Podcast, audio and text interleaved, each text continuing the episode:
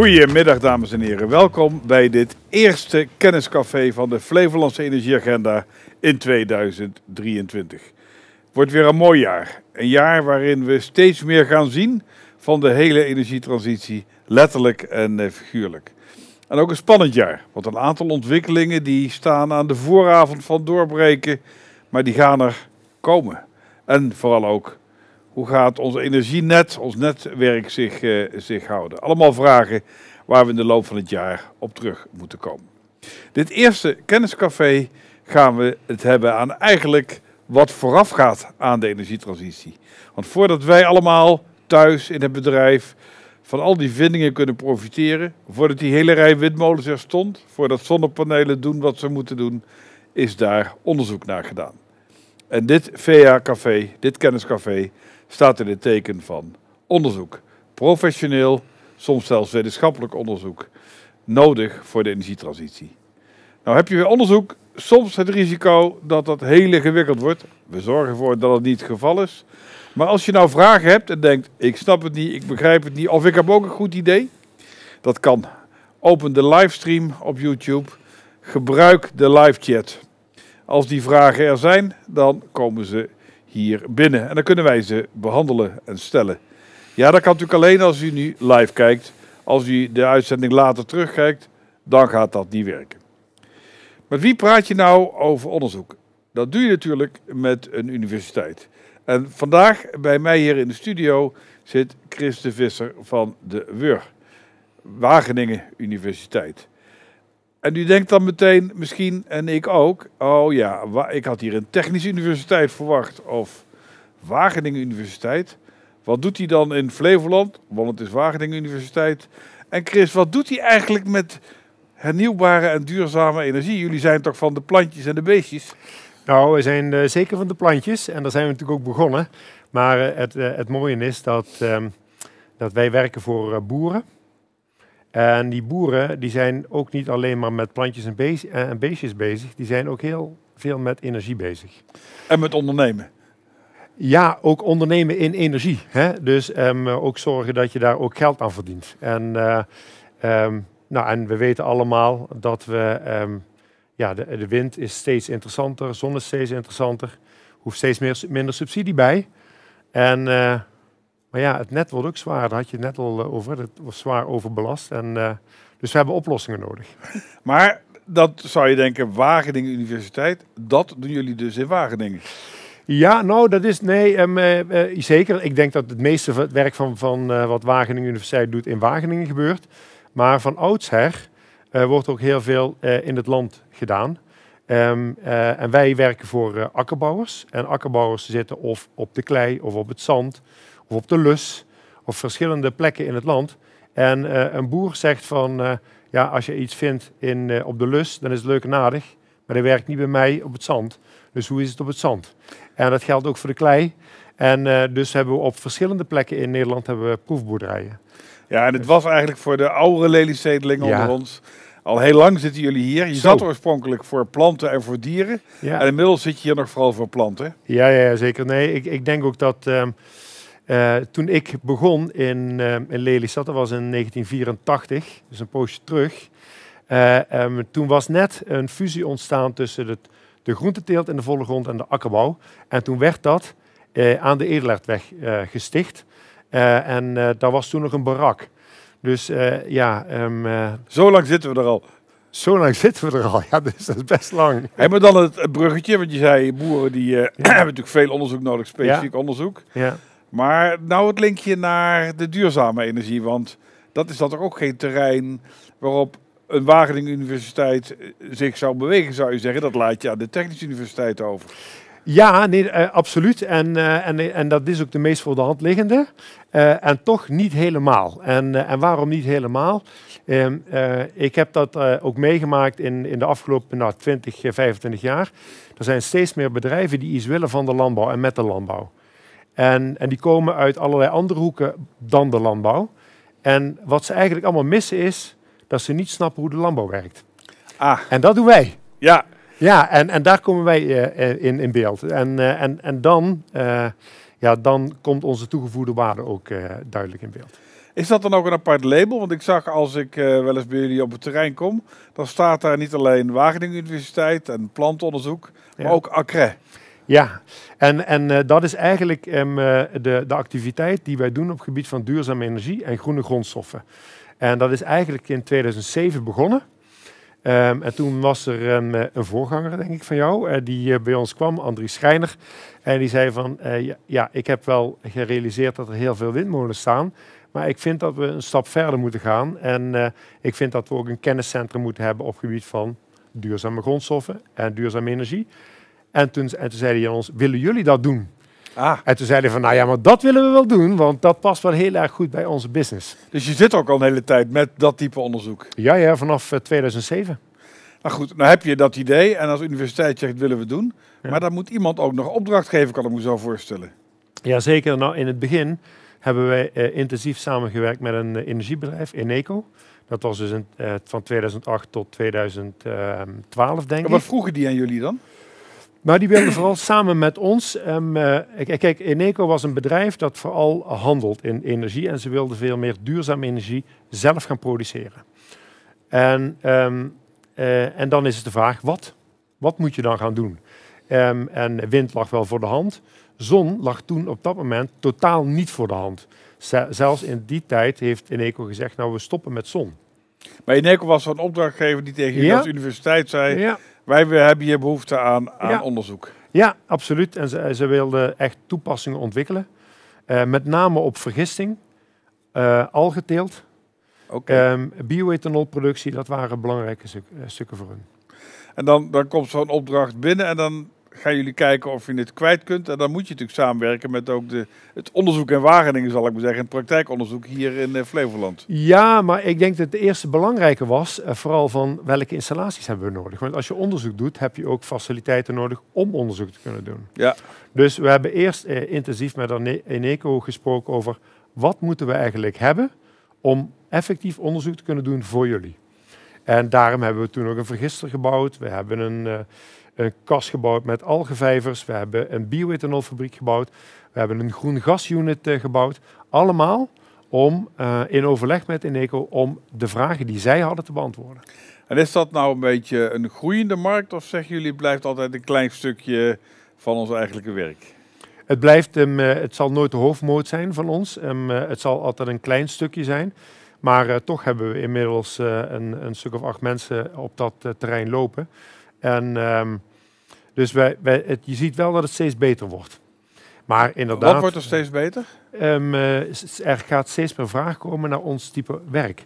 En dat is ook, eh, dat, misschien moet ik dat ook even uitleggen. In, toen in 2007, um, ehm, toen, toen startten we in Nederland, misschien zelfs in de wereld, met duurzame energie en, en, uh, en groene grondstoffen. Maar we wisten eigenlijk nog niet goed wat we precies wilden. En dat hebben we met elkaar ontdekt. En je ziet dat er nu steeds meer um, werkbare business cases komen van bedrijven die samen met ons die business case verder ontwikkelen. En daarmee uh, ga je dus van het wat meer fundamentele onderzoek echt naar het toegepast onderzoek. Ja, absoluut. absoluut hè. Dus uh, je zult bij ons niet veel fundamenteel onderzoek aantreffen. Alles wat we doen, doen we samen met bedrijven. Maar wel vaak, denk ik, in het klein, zeg maar, om een installatie uit te testen. Absoluut, hè. in het klein, maar niet te klein. Uh, wel zodanig dat je daar zeggenschap uit kunt halen voor toepassing in het groot. Wat betekent dat je op jullie terrein ook natuurlijk heel veel verschillende van die toepassingen ziet. Ja. En misschien wel een mini-energy hub per ongeluk ontstaat, omdat die toepassingen natuurlijk ook met elkaar kunnen, kunnen werken. Daar gaan we over doorpraten, maar misschien leuk om eerst even naar het terrein te kijken. Ja. En uh, misschien leuk als je daar iets over, uh, over vertelt. Dan krijgen mensen ook een beetje een idee, hè? Ja.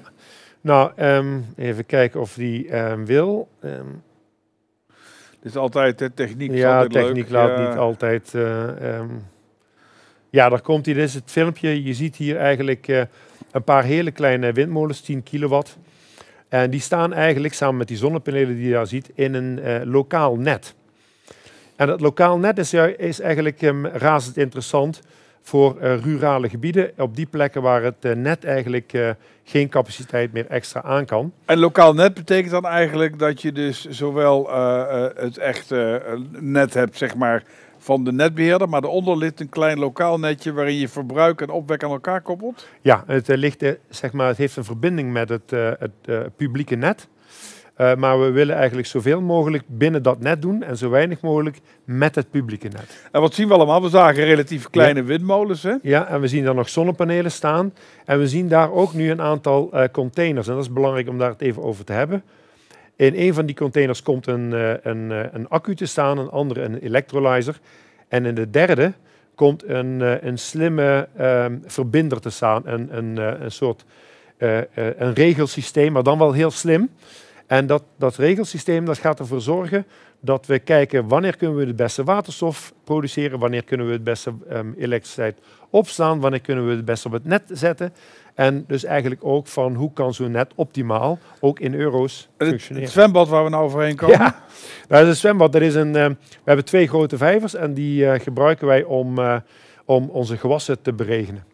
Ah, kijk, dus dat is echt voor het boerenwerk. Hier Ja. zien we eh, de zon hè, op dak, keurig zoals het hoort. Ja, ja, Bijna alle daken vol. Dus Ja. je hebt wind, die kleinere eigen windmolens. Ja. Je hebt eh, zon op eh, dak. ja. Zijn dat de enige twee zeg maar, bronnen die je hebt? Op dit moment zijn dat onze energiebronnen, inderdaad. Maar er is er één aardige energiebron bij. En ehm, eh, dat was die, die, die vijver. Eh, want wat wij ook gaan doen, is wij gaan een, eh, een, een warmtepomp installeren die het, de warmte uit de vijvers gaat halen. En daarmee gaan we ook onze gebouwen verwarmen. Ja, dus wat we nu zien zijn eigenlijk zeg maar, de componenten van zo'n Ja, Energy Hub. Ja. Waarin je ook kunt proberen ehm, om ze op elkaar af te stemmen. En in het klein uit te proberen ja. hoe dat dan moet gaan, eh, moet gaan werken. Ja, en ik denk dat die eh, lokale netten echt de toekomst hebben. Ehm, zeker ook in Flevoland, omdat daar veel boeren zijn met ook windmolens. En, ook, eh, en daar heb je echt de mogelijkheid om te zeggen, ik wil meer doen met die, ehm, met die energie dan alleen maar op het net zetten. Bijvoorbeeld om er meer geld mee te verdienen met een, een batterij. Of te zeggen, ik ga waterstof maken en daarmee wil ik eigenlijk mijn eigen eh, energiebehoefte voorzien die ik heb. Nou zagen we op het terrein al die kleine windmolentjes staan, hè, die heel direct met die hub te maken hebben. Ja. Maar volgens mij zijn jullie ook nog wel betrokken bij grotere windmolens. Ja, en dat is wel mooi. Op deze, dit beeld zie je een, een hele grote windmolen staan op het achtergrond. En ehm, dat is een van de molens van onze testlocatie windmolens. Ja, daar gaan we dadelijk even apart Ja. ook over, Ja. over hebben. En verder hebben we ehm, eh, eh, drie parken.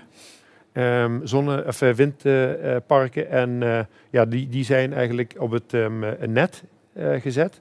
Maar daar willen we ook samen met bedrijven een lokaal net van maken. Waardoor we daar ook waterstof gaan produceren. Kijk, ook daar komen we even op terug. Ja, ja. Want eh, er is heel veel onderzoek. Wat gebeurt op het gebied van waterstof? Beginnen we Ja. dadelijk mee. Zonne-energie, maar nog steeds ook biomassa en, eh, en windenergie. Ja. Ja. En als we dan even naar de volgende, het volgende plaatje gaan, dan krijg je een mooi beeld. Hè? Eh, Ja. eh, dit is eh, zeg maar de windmolens. Ja, precies. Hè. Dus eh, ehm, ja, dit, dit laat ook een beetje zien, dat wilde ik ook nog even zeggen. Ehm, hier komt een enorme zware bui aan. En een van de problemen die we ook hebben is hoe gaan we met, met het water om. En daar zijn we ook met oplossingen bezig om ervoor te zorgen dat we minder, dat we klimaatbestendiger worden. Dus het is niet een alleen energietransitie, maar het gaat eigenlijk Ja. over het hele klimaat. Ja, absoluut, absoluut. Ja, ja, ja. Dus eh, speelt volledig mee.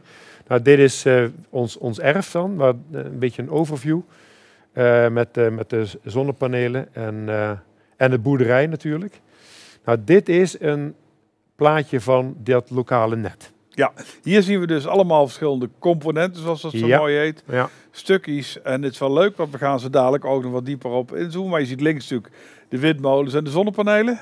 ja nou en kijk, het, het leuke van, dit is een onderzoeksnet. Dat betekent, het kan stilstaan, je, eh, je kan er alles mee doen, want we hoeven er geen geld mee te verdienen. Daar gaat het niet om. Het gaat hier om onderzoeken. Dus ehm, we hebben op, dat, eh, op eh, Switch ook diverse plekken waar andere ehm, eh, eh, instrumenten nog eh aangehaakt kunnen worden. Bijvoorbeeld een, een, eh, een auto, hè, die, die accu of een laadpaal, die kan er ook op. en die kan je dan in dat net hangen. En kun je dan ook experimenteren met wat al, al, al, al jarenlang, ik hoorde vier, vijf jaar geleden voor het eerste, dan hebben ze het over, eh, ja, je moet zorgen dat die elektrische auto, dat die gekoppeld wordt aan het Ja. grid, aan het, Ja. aan het netwerk, zodat die kan laden en ontladen. Ja. En al jarenlang komt dat maar niet verder, hè? want Nee. ehm, dat kan de auto nog niet aan, dat kan de meter nog niet aan, dat kan de grid nog niet aan. Er is één wijk in, eh, in Utrecht. Maar dat soort dingen kun je hier ook uitproberen. Ja, absoluut. Ja, de- dat soort dingen kun je hier precies uitproberen. Ja, dus je kunt hier ook zeg maar een, eh, een woonwijk simuleren. Die heeft dan geen windmolens, die moet je dan uitzetten. Hè, maar, en die heeft ook geen electrolyzer, maar wel een batterij. En er kan ook een auto bij. Dus Ah, dus je hebt die verschillende componenten, zeg maar, die hangen allemaal aan elkaar. Ja. Maar die kun je naar belief ook in- en uitschakelen Ja, om andere zeker. dingen uit te proberen. Ja. het gaat, de, de kern gaat, ehm, wat kan ik lokaal aan energie produceren en gebruiken en opslaan. En, en, eh, en dat wordt ook wel de toekomst, want eh, het netverzwaren, daar zijn we wel mee bezig. Maar als wij eh, de, eh, de ambities van 2050 willen halen, dan wordt dat wel een hele tour. Dat is een mooi bruggetje, ook voor de kijker. Eh, Als het goed is, heeft u ons ook gevonden via de website van de Flevolandse Energieagenda. Ja. Daar staat een mooie tegel op. Dan zie je alle verschillende energiecafés op een rijtje. En dan vind je ook heel veel achtergrondinformatie. Ja. Bijvoorbeeld over hoe werkt dan het net? En hoe werkt het net van de toekomst? En mooi om nu te kijken hoe wij daar al hier daar in, eh, in Lelystad onderzoek naar eh, gedaan wordt. Ja. Ja, absoluut. Laten we eens even op eh, verschillende onderzoeken wat dieper, eh, wat Ja. dieper ingaan. Ja. Beginnen met waterstof. We hebben daar een aparte uitzending over gehad. Kunt u ook terugvinden hè, op, diezelfde, op diezelfde agenda. Maar eh, daarvan zijn ook heel veel misverstanden. En een van de dingen die ik niet wist, maar die, die je Mhm. vertelde toen ik bij jullie was, was ja, we hebben het al over waterstof. Het grootste probleem van waterstof, wat moeilijk te handelen is, is de enorm hoge druk waarmee je moet opereren. Ja. Kun je iets meer vertellen aan het onderzoek wat jullie daarna doen? Ja, ehm, eh, nou het is, ehm, eh, kijk, ik, ik denk dat het wel aardig is, die, die, op die foto zie je die, eh, een tube, eh, ehm, dat zijn Zo'n buis. Een buis. Ja. En in één zo'n fles kan 1 kilogram waterstof onder 300 bar eh, druk. En 300 bar, wat zit er normaal in je autoband, om maar eens de vergelijking te maken? Ja, dat is volgens mij 2,5. Ja, precies. Dus dan 300, hè? Dat Ja, is een beetje veel. en nou, eh, en eigenlijk is 300 nog te weinig. Dus eigenlijk ehm, eh, ehm, eh, moet je zelfs met waterstof, zeker als je er veel ehm, een, een lange duurprestatie van wil hebben, moet je misschien naar 500 gaan. Hoe komt dat? Dat die moleculen zo klein zijn? Ja, of die omdat... zijn eh, ontzettend klein, zijn ook ontzettend vluchtig trouwens. Dus ehm, eh, die electrolyzer, ehm, eh, die, als je, die hebben wij nu niet aangesloten aan een compressor om het eh, te bewaren. Maar dat gaat gewoon de lucht in. En dat gaat binnen de Even wachten, want nou kortschermen- raken mensen die kwijt. Ja. Electrolyzer. Ja, Ehm, en Ah. dat, is, dat heb je nodig om te zorgen dat je waterstof maakt. Hè? ja, Want een van de vele misverstanden is dat waterstof een energiebron is. Nee, nee. het is een energiedrager. Yes, absoluut. Ja. En, en waterstof wordt gemaakt uit water. Ja. Eh, dat, eh, dus ehm, eh, in water zitten eh, twee waterstofmoleculen en één zuurstofmolecuul. En je stopt er energie in, in die electrolyzer, en dan splitst die het water in waterstof en zuurstof. Ja. Dat is wat hij doet. En die waterstof moet je dan vervolgens opslaan. Ja, die waterstof moet je ehm, opslaan. Je kunt hem in een, staat hier, staat hier ook, op een, in een pijpleiding doen. En dan kan die getransporteerd, getransporteerd worden via een pijpleiding. Daar wordt op het ogenblik ook in Nederland over gesproken van eh, twee, ehm, eh, we maken een grote backbone. Ja, Daar, ja, dat is, daar gaat enorm veel waterstof eh, doorheen. Hebben we ook allemaal nodig. Ehm, eh, maar je kunt natuurlijk ook waterstof opslaan in, onder druk. maar nu En- even naar, naar dit onderzoek. Hè? Ehm, het ideale Ja. plaatje. Ja. Normaal gesproken, je hebt daar een windmolen staan. Die hebben we veel in, in, in Flevoland en in Heel Lelystad. veel. Ja. Daarmee produceer je groene energie. Ja. Die gaat naar die electrolyzer en daarin maak je uit water Ja. waterstof. Ja. Ehm, Ja. En dan? Ja, en dan heb je dus ehm, eh, waterstof en die, daar moet je dus iets mee. En die moet je onder druk brengen om hem te bewaren. Ehm, eh, en dan kan je er vervolgens weer van alles mee doen. Want dat doen jullie ook. Hè? Volgens mij heb je daar ook een plaatje van wat jullie eh, doen Ja. met die, eh, Ik met weet niet of de volgende staat, dit is deze niet. Nou ja, dit, dit is wel een belangrijke, Ja? denk ik. Want Oh. waarom zou je dan waterstof willen hebben? Ook in de landbouw, eh Ja. het akkerbouwbedrijf. Mhm. Als je wil vergroenen, dan wil je af van die diesel. Ja. Diesel wordt natuurlijk veel gebruikt in de Zeker. vrachtwagens, in de trekkers, in de combines. Ja, ja, ja, ja. Wij gebruiken op onze eigen locatie zo'n 200.000 liter per jaar. Dus dat is best veel. Terwijl jullie, en hebben jullie een groot boerenbedrijf? Nou, 750 hectare. ja, dat is voor Flevolandse begrip is dat niet eens een hele grote. hè? Dus Dus kun je nagaan. Dus ehm, eh, dat is echt veel. En het bijzondere van een akkerbouwbedrijf dan is dat de meeste vraag in het najaar zit. Dan halen we de aardappelen, de uien, de suikerbieten van het land. En waarom is dat bijzonder? Nou, omdat je eh, eh, ook hier heb je eigenlijk eh, de vraag hoe kun je, als je zelf waterstof maakt, hoe kun je dat dan eigenlijk afstemmen op je eigen gebruik? Ja, Want je maakt dat waterstof het hele jaar door. Ja. Misschien wel veel meer in de winter dan in de zomer. Maar je hebt het eigenlijk in de herfst nodig. Dus eh, ook hier ontstaat dat, dat punt van hoe kan ik dat gaan balanceren. Dus je zult op je eigen bedrijf ook waterstof moeten opslaan. dus daarom is het ook belangrijk dat jullie die combinatie kunnen maken Ja. van het boerenbedrijf, weten waar, waar, Ja. wanneer nodig is. Hoe doe je dat? Dat moet hij gaan, eh, gaan opslaan. En dan waar kan hij het voor gebruiken? Zijn er al toepassingen op waterstof? Nou, nog, ehm, eh, dat is een van de ehm, eh, problemen. Het is eh, nog maar heel weinig. We hebben wel een eh voorkeftruc lopen. Ja, die heb je een foto van volgens mij, Ja, begreep ik. ja, maar ik weet niet of dat die, die, die staat hier nog niet. Hè? ja, hierachter, volgens mij. Kijk, Ja, dit is hem. Ja, en hier zie je ook die, dat, dat tankstation dat we hebben. Dus daar kun je eigenlijk de waterstof die in die flessen zit, kun je in de um, voorkeftruc brengen. En, en, en dit is iets wat, er staan er niet zo heel veel in Nederland. Ik denk dat wij de dat eerste tanken waren. is ook ingewikkeld hè, vanwege die hoge druk, begreep ik. Ja, nou, dit, dit, ehm, eh, hier zit dus geen compressor op. Dat betekent dat de druk er eigenlijk voor moet zorgen. Net als water stroomt van hoog naar laag, gaat die waterstof ook van hoge druk naar lage druk. Ja. Dus door, door hoge druk in de fles te hebben, kan het, gaat het naar de, eh, de voorkeftruc toe. En dan heb je die, die, die vorkheftruc op, op, eh, op waterstof. Ja? Maar dat geldt natuurlijk ook eigenlijk voor allerlei andere eh, eh, machines die de boer gebruikt. Ja, en, en daar zien we dat we op dit moment eigenlijk nog maar één trekkerfabrikant is die een, een trekker aanbiedt die op waterstof kan lopen. Ehm, er zijn er meerdere die in de wacht staan en er ook mee bezig zijn. Maar dat is nog niet heel veel. En dat is ook een beetje de kip-ei situatie die we vaker zien in eh, duurzame energietransities. Want ehm, ja, als je geen groene waterstof hebt, ja, dan heeft het ook geen zin om het te gebruiken. En als je het eh, niet kan gebruiken, dan heeft het ook geen zin om het te hebben. En dan even advocaat van de duivel. Die zou natuurlijk kunnen zeggen, ja, die groene energie die we hier hebben, die windmolens, dat duurt Ja. toch gewoon, stop je een batterij en eh, dan ga je de Ja. truc of eh, de, Ja. de, apparatuur gewoon op elektriciteit laten rijden. Zo'n Ja. combine kan toch ook op een grote accu? Ja, en, en zo'n voorkeftruc eh, kan trouwens ook prima op, eh, op elektriciteit. Hè? Maar, en een trekker kan ook op elektriciteit. Het probleem is alleen dat ehm, je dan veel accu nodig hebt, omdat je lang moet werken. En dat is zwaar. En dan wordt die trekker, die is al zwaar en die wordt nog veel zwaarder. En dat is niet goed voor bodemindrukking en bodemkwaliteit.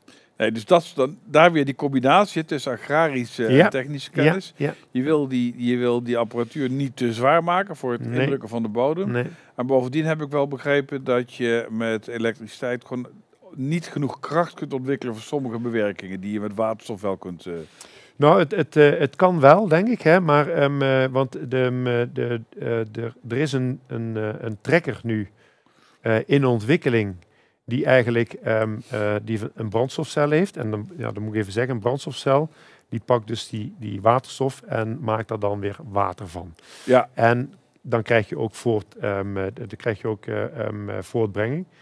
Maar dat is onvoldoende. Die brandstofcel kan onvoldoende bieden voor die trekker om te werken. En dus moet er een batterij tussen staan ah, zo is dat. om er voldoende power aan die trekker te kunnen leveren om, eh, om daadwerkelijk dan op waterstof te Want hij kunnen moet lopen. power hebben, hij moet lang, eh, dat land ligt Ja. niet altijd naast de deur, dus hij moet Nee. lang door kunnen. Ja, En hij moet eigenlijk niet zo zwaar zijn. ja, absoluut. Ja. En, en dat proberen jullie te ontwikkelen met, Ja. eh, met onderzoek. Ja. Als we dan even een, beetje doorkijken naar zeg maar, het boerenbedrijf. en We gaan naar de boerderij van, de- van de toekomst. Ja, Ehm, Ja. Dan kun je ook natuurlijk kijken hoe ga je met de hele energievoorziening van dat boerenbedrijf om. Dit is één element, maar dit is natuurlijk veel meer. ja. Volgens mij hebben we daar een plaatje van, van die boerderij van de toekomst. Ja, die, ik denk dat die net al geweest was ehm, eh, toen we net Nee, die straks. testmolen lieten zien. Maar ik ga hem even kijken. Oh, nee, dit is namelijk een ander ehm, eh, initiatief. Oké, Eh, wil je daarover praten? ja, de boerderij van eerst- de toekomst Eerst maar even ja, dan moet ik even kijken waar die. Ja, is dit is hem. Nou, ehm, dit is eigenlijk misschien even het verhaal erachter vertellen. Ehm, de overheid wil graag ehm, dat we eh, circulaire landbouw ontwikkelen. Ja. En circulaire landbouw houdt in, je moet zo weinig mogelijk externe inputs eh, gebruiken eh, om toch een voldoende ehm, eh, opbrengst te halen. Een van die inputs is diesel. En dus bij een boerderij van de toekomst hoort ook dat je de diesel vervangt Ja. door waterstof. Eh, en wat je hier ziet, dat is een, eh, een, eh, ook nog een, een bijzonderheid, namelijk dat hier zijn we bezig met het rooien van aardappelen. En dat doen we vanaf rijpaden. En dat klinkt misschien voor veel mensen van, nou ja, waarom is dat nou zo bijzonder? Maar die rijpaden liggen altijd op dezelfde plek. Dus dat betekent dat we op het, de grond tussen die rijpaden, daar rijden we niet meer. Dus dan, daar druk je de bodem niet meer in. Daar druk je de bodem niet meer in. En dat is goed voor het bodemleven. En het bodemleven hebben we ook nodig om onze gewassen beter te beschermen. Maar wat is daarvan nou de link naar waterstof? Nou, eh, daar is op zich geen ehm, eh, ehm, eh, koppel koppeling met waterstof, behalve dan dat bij een eh, boerderij van de toekomst hoort, een circulaire landbouw, dat je alle externe inputs minimaliseert. En, eh, eh, want eh, die, kunnen, die leiden allemaal tot, tot emissies die we niet willen. Dus je wil eigenlijk zo zelfvoorzienend mogelijk zijn. Ja, En zorgen dat je je energie zelf opwekt ja, ja, en dat je hem zelf gebruikt. absoluut. Ja.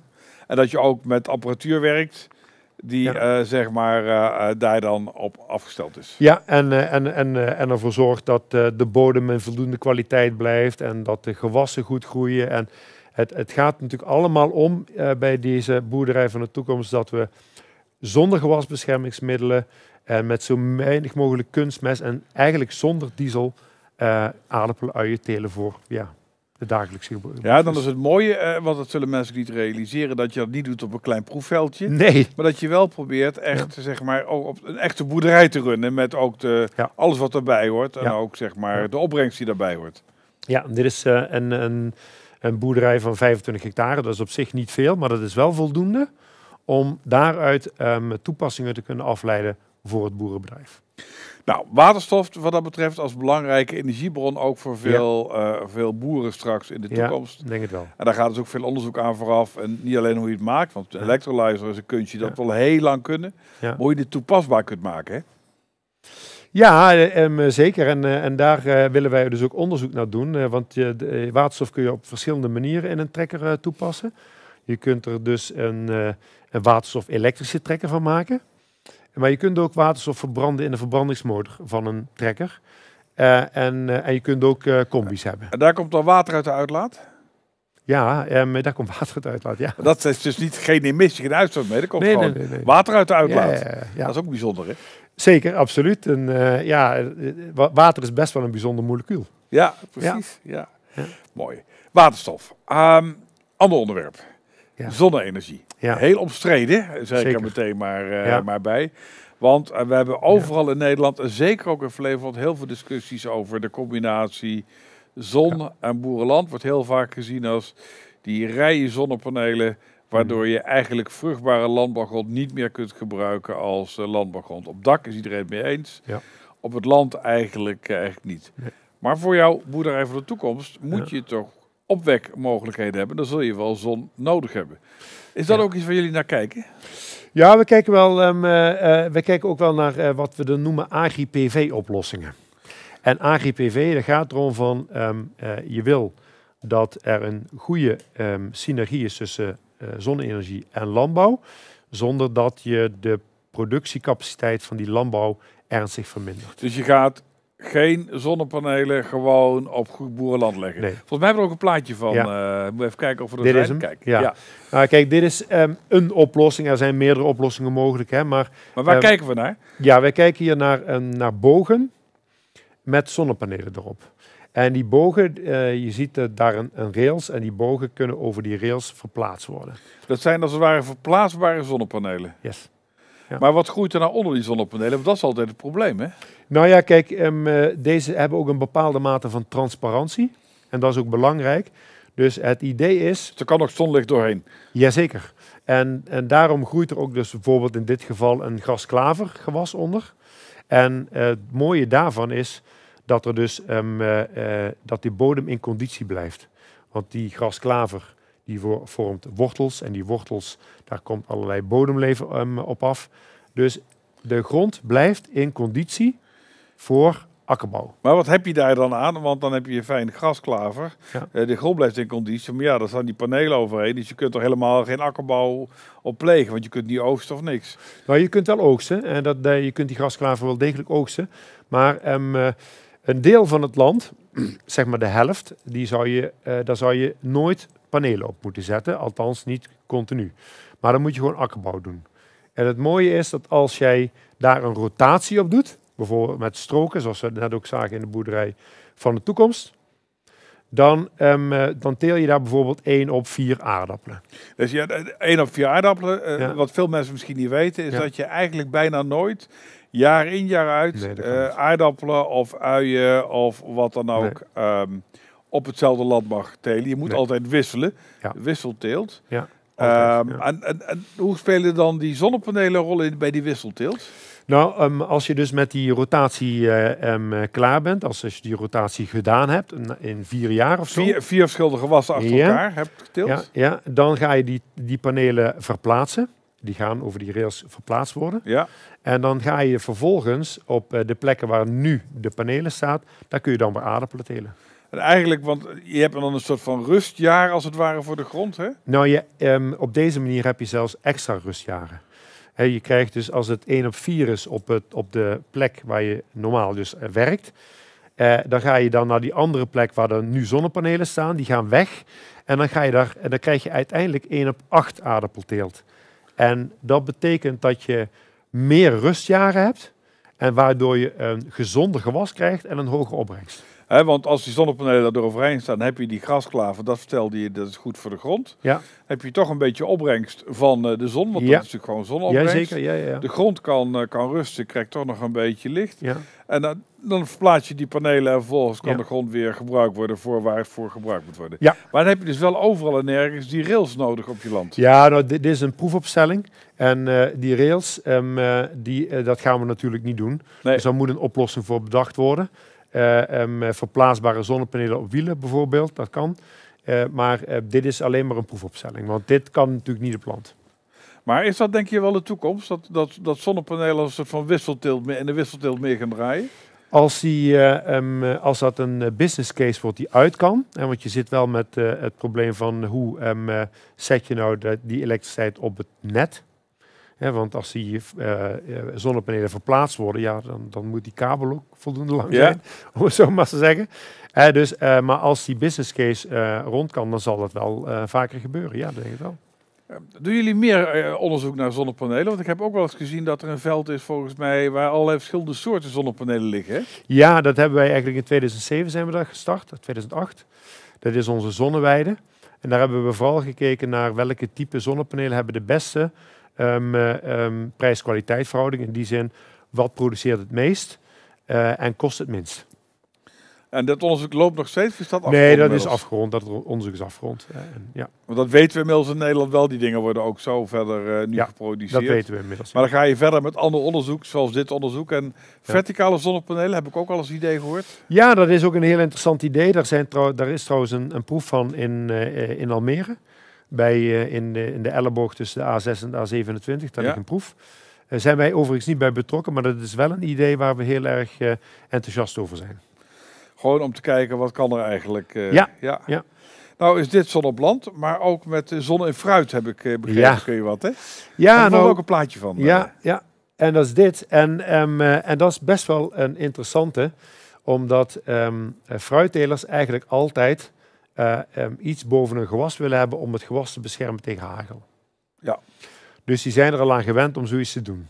En, Zo'n eh, dakje maken als het ja, ware. ja, en, ja, zeker. En, eh, en hier kun je dus zonnepanelen opzetten op een constructie die er sowieso al is. Dus je hoeft geen constructie te maken. Die is er al. Al die fruittelers hebben dat. En, en dat maakt het ook weer minder kostbaar. En, en zo kun je dus ehm, eh, zonne-energie produceren met transparante panelen overigens.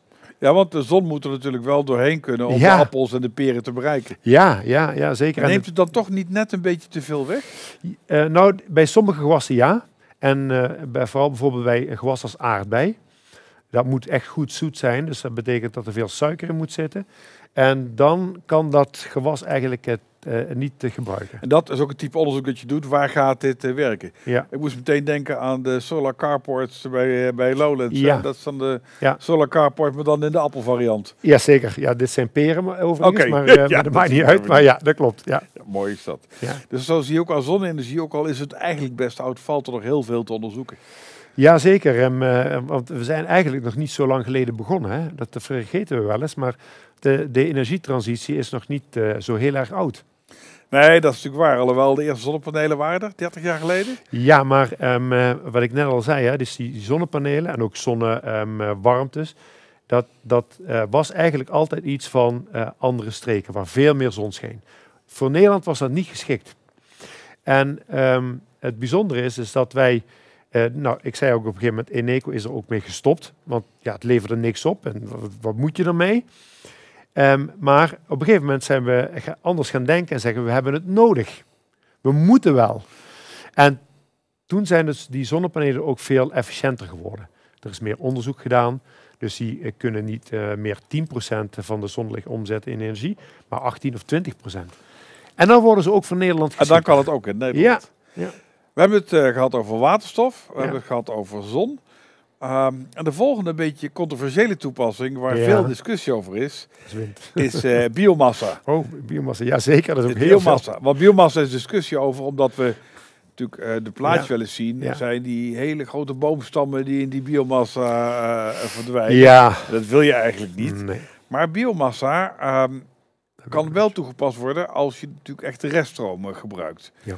Ehm, en daar kunnen zelfs hele mooie dingen van, van maken. Ja. We gaan eerst even kijken naar een, eh, naar een filmpje Ja. hoe je eh, eh, papier uit gras Uit maakt. dit gras Ja. van de bergen. Dit is hem. Ja, dat klopt. Van deze berm eh, kunnen wij papier maken. Open Tilton Wageningen University and Research in Lelystad is bezig met het ontwikkelen van papier dat volledig is gemaakt van gras. Nog niet eerder werd er papier gemaakt zonder het gebruik van houtcellulose en dus volledig van restmaterialen zoals bermgras. In deze container zit onze droogvergister. Daar komt eh, bermgas en natuurgas gaat erin. En dan eh, eh, gaat er die gestaat bij. Er zitten micro-organismen in die het gas deels voor ons afbreken. Dan ontstaat aan de ene kant biogas en aan de andere kant krijgen we onze vezels. En dan gaat het er dus zo in en het komt er zo uit. Dit apparaat gebruiken we om de droge stof mee te bepalen. Dus we stoppen wat nat gas erin. En dan gaat de spiraal hierboven het verwarmen. En dan trekt hij het vocht eruit en dan weten we hoeveel droge stof erin zit. Hoe is dit idee ontstaan van papier uit gras maken? Nou, we zitten in een groot project samen met drie andere Europese landen. En eh, we proberen eigenlijk allemaal iets te maken van gras wat op dit moment niet echt gebruikt wordt. Zoals bermgras, dat eh, heeft op dit moment een negatieve waarde. Het wordt niet gebruikt. Dus wij hebben de taak op ons genomen om daar eh, papier van te gaan maken. En zou dat een oplossing kunnen zijn voor het papiertekort?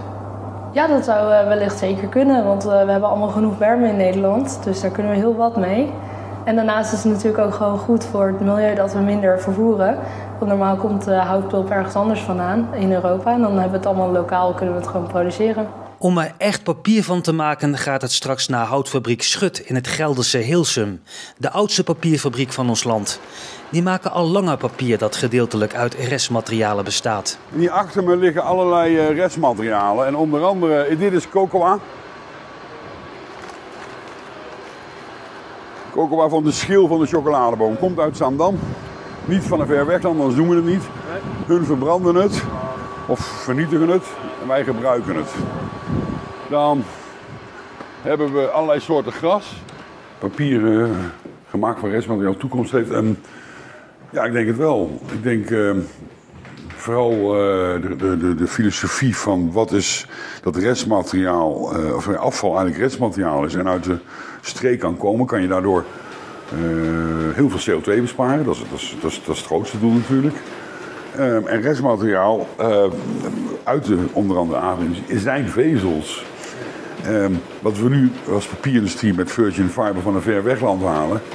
Dus het, het, is, het is echt eh, wat dat betreft een, een heel mooi materiaal om eh, eh, eh, eh, papier van te kunnen gaan maken. Ja. Dit is ongewassen. Ja, dit is ongewassen vergist gras. En hoe wordt het nou gewassen? Nou, we zouden het met de hand kunnen doen. En zometeen komt er natuurlijk een eh, professionele wasinstallatie. Maar voor nu doen we het met deze wasmachine.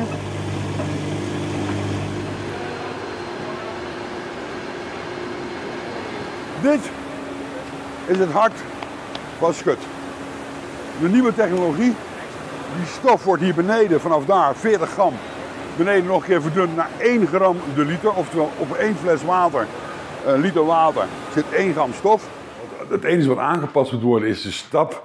Nu, kopen wij als papierfabrikant kopen we celluloses in. Dat is kant-en-klaar grondstof en kunnen we zo verwerken. Als gas moet van tevoren eerst schoon, mag geen vuil, moet verkleind zijn, noem op. En dat zijn dingen die echt in een fabriek als dit, ja, die we of separaat moeten of extern moeten laten doen.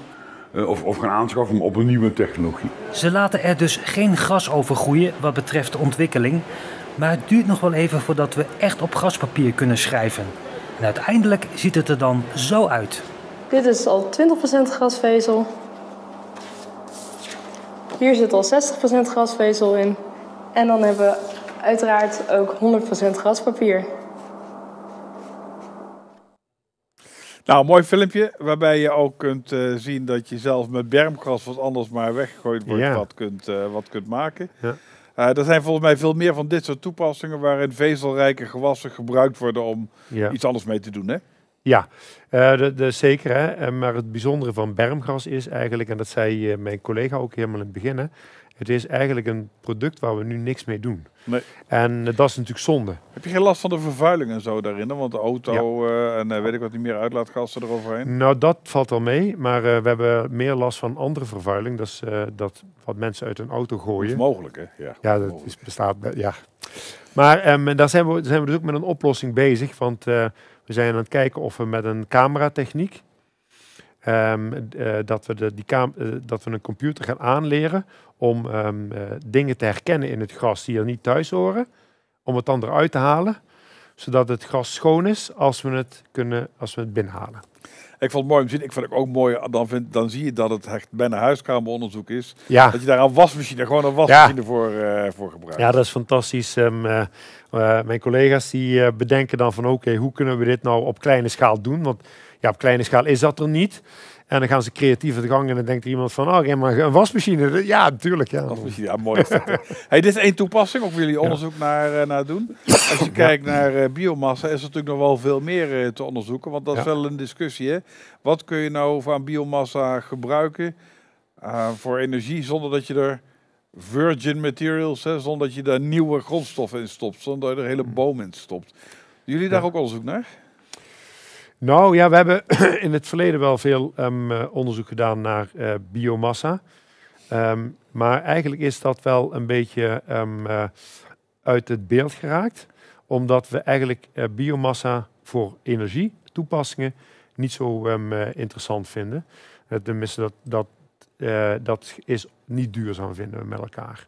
Dus dat doen we niet meer. Ook niet als je reststromen gebruikt? Jawel, als je reststromen gebruikt wel, maar het probleem van reststromen is dat ehm, eh, ze ehm, onvoldoende in grote volumes aanwezig zijn en vooral discontinu en niet van een constante kwaliteit. En dus kun je ze eh, moeilijk, kun je ze hooguit gebruiken als een, Ja. een ondersteunende bron, zal ik maar Kijk, er eh, zijn in. Nederland een enkele aantal mensen die een vergister hebben, boeren. Ja, We hebben er zelf ook in gehad. En dan haal je van overal en nergens haal je materiaal vandaan. Eh, ehm, eh, dan liggen er soms ook aardappelen bij ons en dan die moeten vergist worden, omdat die niet meer eh, geconsumeerd kunnen worden. Maar dat is, dat, dan moet je constant moet je de markt afstromen naar materiaal. Het is, je kunt daar ook geen ehm, eh, vijf jaar op baseren en zeggen van nou, of tien jaar of vijftien jaar, wat je eigenlijk wil als je investeert. Dus dat maakt het lastig. nou, mooi om te horen. Ehm, als u nu meer daarvan wil weten, ook van biomassa, over één toepassing hebben we het hier uitgebreid in heel eh VHKV over gehad. Dat was eh, de firma Barrow, die een methodiek, een procedé had ontwikkeld om uit zeg maar, het slip van de afvalwaterzuiveringsinstallatie ook groen gas te maken. Dat is Ja. ook heel interessant. Wij kijken nog even, geloof ik, naar het laatste plaatje van het eh, graspapier. Ja. En daarmee sluiten we dit. moet iemand even zijn techniek? Juist. Ja, daarmee sluiten we, sluiten we dit blokje, blokje af. Ehm, zou denk je ooit zo toegepast worden dat het papier wat ik nu voor me heb graspapier is? Ja hoor, dat denk ik wel. Ja, maar, maar dat kan. Eh, dit is wel gebleekt papier, hè? dus eh, zo komt het ook niet van hout. Nee. En eh, dus dat wil je niet. Dus ik denk dat we, ehm, eh, we gebruiken gelukkig ook minder papier. Maar ehm, ook uiteindelijk kun je van, van gras ook goed papier maken. De eh, mooie is dat jullie in het klein dan zeg maar dat procedé ontwikkelen. Ja, En uiteindelijk leidt dat tot een fabriek als we hier in het eh, ja. plaatje zien. ja nou, ik, ik denk het ook echt dat het interessant is dat je op die manier bermgras ehm, eh, beter kunt, eh, bermen beter kunt beheren. Ook natuurgras trouwens. En dan kun je er ehm, waarde aan toevoegen, waar het nu eigenlijk is van die beheerders van die terreinen zeggen, wat, hoe, wat moet ik ermee? En ook daar weer liggen we de link naar de agrarische sector. Ja. Want ook daar gras en eh, grasland en, en bermen Ja. is natuurlijk Ja. ook een onderwerp. Ja. Zeker, zeker, zeker. Ja. En ik denk dat het ook interessant kan zijn om de mineralen die eh, in die bermen zitten, om die weer terug te brengen naar de landbouw. Dat En dan kun je natuurlijk het gebruiken als natuurlijke meststof. Yes. Mooi. We hebben het gehad over waterstof, we hebben het gehad over zonne-energie, we hebben het gehad over biomassa. Ja, jullie oudste en eerste toepassing was eigenlijk windenergie, hè? Jazeker. Ja, eh, het is Ja. leuk om even te kijken naar een, eh, naar een plaatje van de testlocatie Wind eh, Lelystad. Even kijken, dat is, moet ik even naar het plaatje gaan. Nee, die vorige denk ik. Die vorige. Vertel ja. daar eens over, testlocatie Wind Lelystad. Ja, ehm, nou dit is best wel uniek. Laat ik daar even mee beginnen. Ehm, eh, in Nederland ehm, eh, was er altijd wel een, een testlocatie voor windmolens. En dat was in Petten van ECN. Daar waait het flink hard in ieder En dan werkt het, ja zeker, bij ons ook. En, ehm, eh, eh, en nou, ECN is naar TNO gegaan, die zijn daar weggegaan uit die plek. En hebben eigenlijk ook geen beschikking meer over een eh, testlocatie wind. En die testlocatie was ook altijd vol en er waren kleinere molens. En dit is eigenlijk uniek, omdat wij hier ehm, eh, grote molens kunnen testen, certificeren ook. En, en dat kan eigenlijk nergens anders in Nederland. Nou zeggen boze tongen, ja. Ja. hij heeft daar een mooi rijtje windmolens staan. Die leveren ook wel lekker op. Ja, nou, ik ga, er, ehm, ik ga het niet ontkennen dat dat eh, ook oplevert, maar niet in de zin van elektriciteit. Want wij verhuren de testlocatie aan eh, bedrijven die daar onderzoek willen doen. En wat onderzoeken ze dan bijvoorbeeld? Dat eh, kan een veelheid van dingen zijn. Dus bijvoorbeeld eh, de, de vorm van de rotor, of de lengte van een rotor, of de zwaarte van een eh, motor. Dus ze kunnen allerlei ehm, eh, dingen bedenken eh, waarvan ze zeggen, nou daar wil ik onderzoek naar doen. Wat kan werken, of wat werkt beter, of wat werkt minder goed. En dat is echt ook geprotocoleerd onderzoek, hè? Jij Ehm, zeker. stap voor Ja. stap, goed weten wat je meet. Ja. En je moet dus ook af en toe ze eraf halen, stilzetten. Zeker, ja.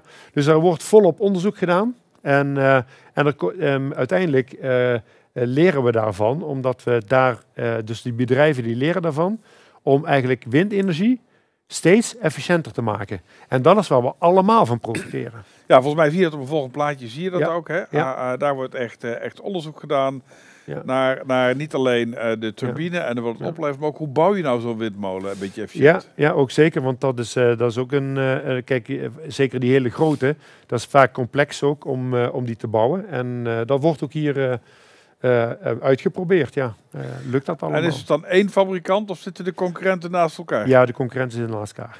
Die kijken stiekem naar elkaar ook waarschijnlijk, of niet? Vast, vast. Ja, dat doen ze zeker en dat is ook geen probleem. Maar ze hebben natuurlijk hun eigen R&D-lab, om het zo maar te zeggen. Dus ze bedenken ook zelf wat... wat Maar is nou jullie doen. activiteit vooral om dat te verhuren? Of zeg je, we hebben daar onderzoeksmatig, hadden of hebben we daar als accre hè, van, Ja. nog wat mee te maken? Nee, ehm, onderzoeksmatig eh, niet zo heel veel. Dus wij verhuren het vooral om daarmee inkomsten te genereren, waarmee we dat andere onderzoek doen. Oké. En het feit dat, dat, dat je een testlocatie hebt en dat je dus dat ook vanuit Ja. wind eh, eh, onderzoek naar, Ja. naar, naar doet. Nou ja, goed. Ja, zeker. Wat? En, en ik denk misschien dat plaatje, dat is wel aardig om om die grafiekje wat we daar zien. Ehm, eh, dat dat vergeten mensen soms wel eens, maar we krijgen steeds minder wind in Nederland. Krijgen we minder? manier, Ja. Ik heb niet de indruk de laatste paar dagen. ja, nee, de laatste paar dagen niet, maar in de totaliteit wel. En toch worden die eh, eh, windmolens steeds efficiënter. Ja. En eh, gaan ze ook steeds meer opleveren. En de, dat moet dus uit onderzoek van windmolens komen. Een deel daarvan wordt bij ons dus gedaan. Dus die, die testlocatie is gewoon essentieel voor bedrijven om de windmolens die ze op de markt zetten en die ze straks misschien op, eh, eh, op eh, zee zetten, om die hier uit te ontwikkelen en te zorgen dat die optimaal functioneren. En die kunnen dan ook, zijn net gecertificeerd worden. Dus dat Ja. betekent dat ze ook goedgekeurd kunnen worden door een onafhankelijke inspectie. Ja, zeker. Hè? Dus eh, ehm, daar wordt, daarom worden er ook veel metingen gedaan. Maar volgens mij hebben we daar nog een, mooi, een paar mooie, mooie plaatjes van. Je Ja. dat de bouw van zo'n eh, Ja. windmolen. Ja. Dat is natuurlijk echt eh, indrukwekkend om, eh, om te zien. Momenteel in Flevoland heel veel eh, te zien. Ja. Maar je ziet ook bijvoorbeeld jullie een meetmast voor de windsnelheid. Ja, ik denk dat dat bij de volgende is. Ja, dat is een, een LiDAR. ehm, eh, en dat is bij wat? ons, een, ja, dat staat hier, LiDAR, hè, dus zo heet dat eh, ja, ding. oh, dat is de naam van het ding. De ja. naam van het ding. En, ehm, en die meet windsnelheid eh, met ehm, eh, golven, met, met licht. En eh, op grotere hoogte. Dus dan kan je eigenlijk vanaf ehm, een geringere hoogte meten eh, hoe hoog, hoe, wat de windsnelheid is op grotere hoogte. En, en niet dan eh, kilometers, maar eh, op hond- 100 meter of 150 En dat is meter. natuurlijk belangrijk voor zowel de opbrengst, eh, maar ook om te kunnen kijken, ja, tot waar is het veilig, hè? Nou ja, tot waar is het veilig, maar ook ehm, eh, eh, wat kan, wat kan zo'n windmolen dan opbrengen? Dus wat is de relatie tussen de, de windsnelheid en eh, wat, de, eh, wat de molen opbrengt? En omdat je op verschillende hoogtes kan meten, kan je ook zeggen, nou, ehm, eh, als je iets hoger bent of iets lager, wat, wat meet je dan meer of minder? Ja, en dan kun je dus ook misschien op een gegeven moment de optimale hoogte voor een windmolen bepalen. Ja, zeker. Nou, eigenlijk is de optimale ehm, eh, de hoogte eigenlijk altijd zo hoog mogelijk. Ja, ja, ja, ja. Want daar waait het heel erg hard. Hè, maar, ehm, eh, maar dat gaat weer niet, want dan moet je wel een hele lange mast neerzetten. En Dus, die moet het dan ook maar weer houden. ja, ja. Dan zou je denken, we doen windmolens al best een tijdje. ja. Wat voor onder... dus, je zou... dus we weten er al heel veel van. Ja. ja, en elk onderzoek komt een end. Of hebben jullie ook nog wel ideeën voor toekomstige onderzoeken aan eh, windmolens? Nou ja, ehm, eh, ik denk eh, de- zelf hebben ehm, eh, laten we ons leiden door die bedrijven. Hè. Die, die zijn eigenlijk in de lead. Ja, maar daar zullen jullie mee met z'n over praten. Hè? Wat, wat zijn nou hun Ja. ideeën? Want ik zag dat er een plaatje van, eh van was, Ja. onderzoek in de toekomst. Ja, even kijken. Nee, ja. Dat is dit. Ehm, eh, nou, je kunt eigenlijk, eh, eh, eh, nou laat ik zo zeggen, bij, eh, vanaf een eh, zonne, eh, van een, vanaf een windturbine loopt een kabel. Ja. En als het niet waait, dan gaat er geen elektriciteit door die kabel. Dus die kabel doe je er niks mee. Als je daar nou ook ehm, zonnepanelen naast die, windmolen zet, dan kan, eh, als de zon schijnt en de wind niet blaast, dan kan je toch die kabel gebruiken. Dus dat is een interessante. Maar je kunt ook een accu bij de windmolen plaatsen en de, de stroom opstaan. En dan eh, eigenlijk niet direct op het net zetten, maar pas op het net zetten als dat beter is voor het net. En dus ook beter voor je portemonnee dan. Dan zijn we eigenlijk weer terug een beetje bij het begin van Ja. het gesprek. Hè? Ja, Waarin je zei, een van de belangrijkste zaken die we moeten onderzoeken is hoe je nou zo'n energy hub een Ja. beetje technisch efficiënt eh, ook aan elkaar knoopt. ja absoluut. En, eh, en eh, daar, eh, daar, daar ligt nog echt heel veel ehm, werk te wachten. Eh, want daar ligt denk ik ook wel eh, de oplossing voor de toekomst. Als wij in 2050 uiteindelijk eh, ja, eigenlijk al onze energie eh, duurzaam opgewekt willen hebben. Ja. In Nederland. Dat is best wel spannend. Eh, en, en je kunt zeggen van nou ja, weet je, het is 2023, dus 27 jaar. Dus eh, ja, eh, we hebben tijd zat. Nou, Maar zo werkt het niet. Nee, en, en, en je zult dus veel onderzoek nu moeten doen. Ja, straks ook, ja, ja, ja, kunnen ja, doen. ja, ja, ja, ja, ja. Ik wil nog even verder terug naar het begin van dit gesprek. Want toen legde je uit, ja, wij, wij, wij doen dit als WUR ook omdat we de koppeling aan het boerenbedrijf zo goed kunnen maken. Ja. Wat heeft de boer nu eigenlijk nodig om eh, te verduurzamen? Ja. We hadden het al even over de boerderij van, eh, van de toekomst. Ja. Als je nou zou moeten samenvatten, wat zie je in de sector gebeuren op het gebied van duurzame energie? Wat voor Ja. beeld heb je dan? Nou, ehm, eh, het, het belangrijke beeld dat er nu eh, ehm, eh, opkomt, is dat boeren veel meer willen participeren in die energietransitie. En ook in de waterstofeconomie, maar dat eigenlijk niet kunnen. Omdat het net eh, ehm, eh, ehm, belast is, overbelast is. Dus, eh, en die lokale eh, slimme netten waar we het in het begin over hadden, ja, die zijn eigenlijk de oplossing om boeren in staat te stellen verder te participeren en er ook meer aan te verdienen. En dan krijg je zeg maar een energie-neutraal erf, hè, om te beginnen. Ja, absoluut. Ja. Ja. Met ook energie-neutrale ehm, instrumenten die die gebruikt. Trekkers, eh, apparatuur Ja, ja, enzovoort. ja, ja, absoluut. En, eh, dus ook een, eh, en ik ben ervan overtuigd dat er ook zoveel waterstof geproduceerd kan gaan worden, die niet eens zelf gebruikt gaat worden. En die kan dus afgevoerd worden en verkocht worden. Ja. En dat is weer een nieuwe geldstroom, inkomstenbron Exact, eigenlijk. ja, hè? exact. Dat is wat ik bedoel. Dus boeren kunnen er ook geld mee verdienen. Ja, en boeren weten meestal vrij goed hoe dat moet. Dus dat Ja, ja, helpt. ja dat, is, dat hoef je ze niet te Dat vertellen. hoef je niet te vertellen, dat helpt. Maar dan zou je eigenlijk kunnen zeggen dat, dat, de, die, dat, er, dat energie-neutrale erf misschien wel dichterbij is dan we al wel eens denken. Ja, ik denk, ja, eh, volgens mij technisch kan het. Ja. Ja, technisch kan het. Nou moeten jullie natuurlijk ook vooruit denken. En denken van nou, we zijn eraan aan het werk. Maar als je nou zou moeten dromen, wat voor onderzoek gaan jullie nou nog doen hier met Accra vanuit de WUR voor de toekomst?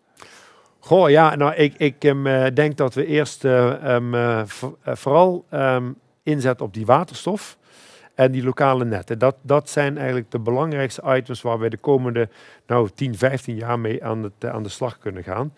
Ehm, en we willen dus ook gaan kijken hoe kunnen die trekkers nou zo optimaal mogelijk gaan functioneren op een, op een erf.